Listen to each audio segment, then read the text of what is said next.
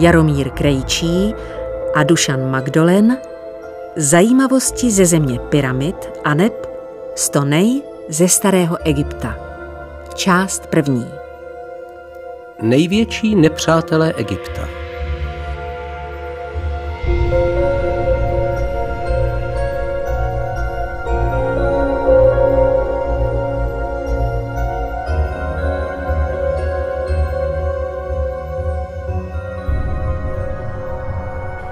Egyptiané považovali svoji zemi za zemi obývanou bohy, kteří její obyvatele chránili a předali jim pozemský řád mát.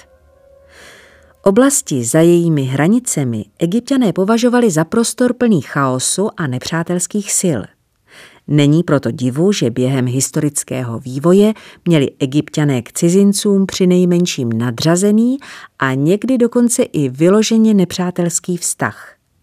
Tento svůj přístup zobrazovali i různými uměleckými formami.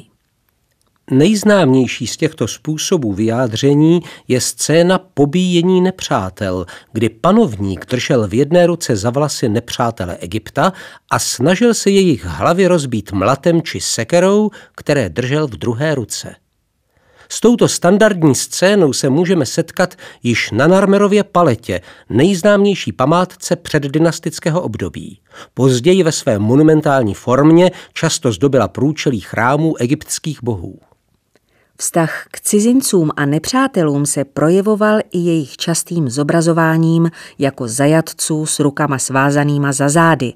Například z pyramidových komplexů doby Staré říše existují příklady soch takto vyobrazených cizinců. Zajatci byli ostatně z válečných výprav do sousedních zemí do Egypta přiváženi, aby zde pracovali na různých stavebních projektech v zemědělství, ale i v jiných oblastech. Pro zobrazení cizinců se používaly zavedené podoby s charakteristickými rysy pro určitou skupinu lidí. Například Azijci mají na těchto vyobrazeních delší vlasy a vousy, zatímco Nubíci se poznají podle kudrnatých přiléhavých vlasů. V takovýchto tradičních podobách se s bystami cizinců můžeme setkat například na spodním parapetu takzvaného okna zjevování se v zádušním chrámu Ramzese III. v Medínidhabu. Panovník, který se během chrámových svátků v tomto okně objevoval, je tak vlastně pokořil, protože nepřátelé Egypta se ocitli pod jeho nohama. Největšími nepřáteli egyptianů se samozřejmě stávali dobyvatelé jejich země. Asi nejznámějšími byli Hyksosové, jak jsou souborně nazývány kmeny pronikající do Egypta od první poloviny 17. století před Kristem. Těm se nakonec podařilo ovládnout oblast severního Egypta. Právě s nimi panovníci Thébské 17. dynastie svedli líté a vítězné boje. Ale i další podobné útoky přicházely z Ázie, proto k Asyřanům a Peršanům, kterým se podařilo Egypt v průběhu pozdní doby několikrát ovládnout, cítili egyptiané opravdu velké nepřátelství. Dalším směrem, odkud mohli egyptiané čekat ohrožení, byl sever. Nejprve to byly takzvané mořské národy, skupina kmenů, která byla klimatickými změnami na evropském kontinentu donucena k přesunu jižním směrem. Egyptiané se s nimi utkali v několika bitvách, v nichž nad nimi zvítězili – Tlak od severu ale neustával. V průběhu prvního tisíciletí před Kristem jej vyvíjeli především Řekové a Makedonci, kterým se nakonec podařilo Egypt ovládnout. Ptolemájovští vládci se snažili přiblížit co nejvíc místním zvyklostem a také proud řeckých přistěhovalců do Egypta stále zesiloval a tak proti nim existovala jen mírná opozice. Obdobně tomu bylo i v případě Libijců, kteří zpočátku na Egypt zaútočili spolu s mořskými národy, avšak posléze se začali v Egyptě usazovat, aby se jejich náčelníci nakonec během třetího přechodného období a pozdní doby stali egyptskými panovníky. Stejně jako Libíci, i Nubíci byli často zobrazováni mezi nepřáteli Egypta ale také oni se v průběhu egyptských dějin poměrně často začlenovali do egyptské společnosti, například do egyptského vojska. Nejváženější povolání Být písařem ve starém Egyptě znamenalo mít zabezpečené dobré živobytí, požívat respektu, úcty a zaujímat důstojné postavení ve společnosti. Toto povolání se těšilo všeobecné vážnosti a vyzdvihovalo se nade všechna ostatní. Egyptský stát by bez byrokratického aparátu a písařů nemohl efektivně fungovat, proto se s nimi můžeme setkat na všech úrovních staroegyptské státní zprávy. V nejstarším období přicházelo písařské umění z otce na syna. Školy se v Egyptě objevují až od střední říše. Při vyučování se postupovalo tak, že děti se učili nejprve kurzivní podobu písma. Kromě toho se seznamovali také s matematikou, geometrií a zeměpisem. Z období Nové říše existují doklady, které svědčí o tom, že ve školách se vyučovaly, ač v omezené míře, i cizí jazyky. Úroveň dosaženého vzdělání byla různá. Někteří žáci dokázali číst jen hieratické písmo a několik značek z hieroglyfického písma. Řemeslníci a tesaři, kteří vyrývali hieroglyfické značky na památky, jen zřídka kdy věděli, co píší, pokud vůbec. Písaři ovládali i základy gramatiky a geometrie a složitější úkoly uměli řešit jen specialisté. Úplné znalosti písma dosahoval jen nevelký počet lidí, ke kterým patřili i vysocí úředníci, zastávající nejvyšší úřady ve státní správě a kněží. Podle některých odhadů bylo v období Staré říše gramotné 1% populace Egypta. Písaři působili téměř ve všech oblastech života a je v celku přirozené, že pracovali i v chrámech, kde byly kromě knihoven a archivů zřizovány i takzvané domy života. V chrámech se opisovaly texty především náboženského obsahu, ale i texty medicínské, astronomické a jiné. Skutečnost, že písaři byli zapotřebí téměř všude, dokládá množství písemných pramenů, reliefních zobrazení a maleb. Také rozmanité tituly úředníků nás informují o oblastech, ve kterých písaři působili. Velmi často se na stěnách hrobek zobrazovali písaři při zemědělských pracích, jak zapisují množství obilí odváděného do sípek. Na jiných reliéfech jsou písaři zachyceni při počítání dobytka a dalších zvířat, na vojenských výpravách zase evidovali zajatce, poražené nepřátele a válečnou kořist. Jejich přítomnost byla nezbytná i při výrobě šperků a ozdob z drahých kovů a kamenů, a to kvůli kontrole množství použitého materiálu. V nejstarším období pokrýval titul písaře širokou škálu aktivit. Časem docházelo k postupné specializaci v jejich činnosti, což se odráželo i v titulatuře. Písaři samozřejmě působili na královském dvoře a v královské kanceláři. Podobně jako král, i vezír měl své písaře, kteří mu asistovali při výkonu úřadu.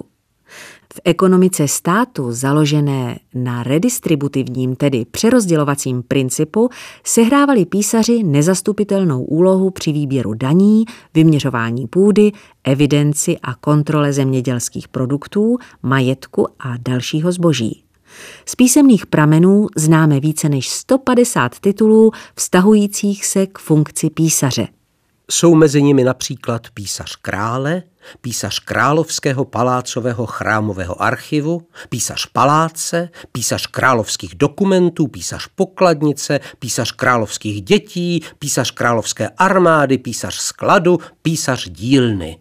Také písař božích knih, písař expedice, písař města nebo osady, písař kraje, písař magie, písař tajných chrámových dokumentů, písař obětin, písař pracovní skupiny, písař Boha, písař soudní rady a mnoho dalších.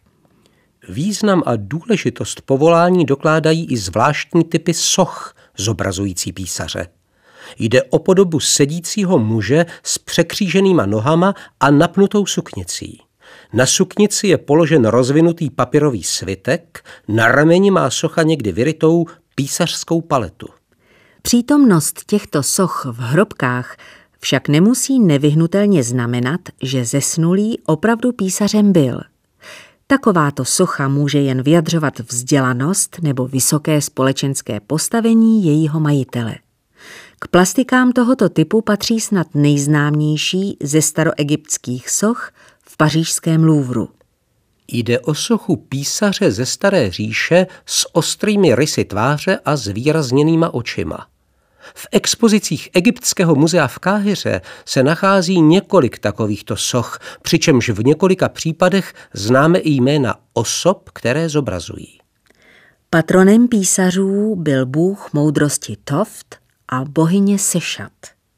Ve výtvarném umění se písaři či úředníci nechávali zobrazovat i se symboly a atributy těchto božstev.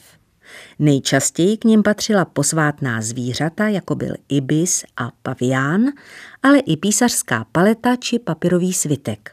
Do této kategorie patří například žulová socha Ramesunecheta z 20. dynastie – Amonova velekněze z Karnaku, zobrazující jej v tradičním písařském postoji s paviánem sedícím na jeho rameni, který měl vyjadřovat ochranu boha Thofta. Nebyla to však jen sochařská díla, která měla zdůraznit a vyzdvihnout postavení, případně vzdělanost jejich majitele. Také různé literární památky oslavují písařské umění, gramotnost, vzdělání a stejně tak jejich představitele, písaře.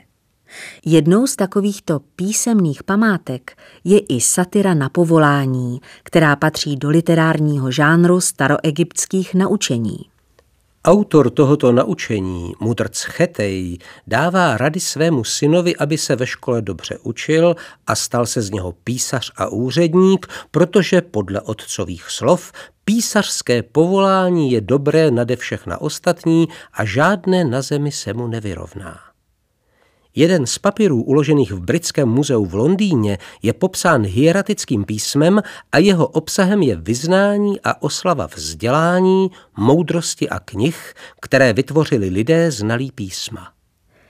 Myšlenky napsané na tomto papíru neznámým autorem, které jsou více než tři tisíce let staré, mají v mnohých ohledech nadčasovou platnost a proto jsou aktuální i v dnešním životě.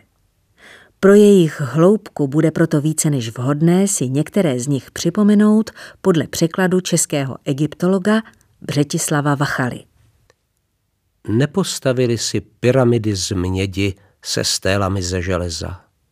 Nezanechali po sobě dědice, děti, které by vyslovovaly jejich jména. Zanechali však dědictví v knihách naučení, které se psaly. Jejich brány a paláce se rozpadly. Jejich zádušní kněží odešli, jejich stély jsou zasypány, jejich hrobky jsou zapomenuty. Jejich jména se však uvádějí společně s knihami, které sepsali za svého života. Krásná je vzpomínka na jejich tvůrce. Je trvalá a věčná. Člověk hyne, jeho tělo se obrací v prach, všichni blízcí odcházejí, avšak kniha ho připomíná ústy toho, kdo z ní přednáší. Prospěšnější je kniha než vystavěný dům, než hrobka na západě. Je hodnotnější než palác, než stéla v chrámu.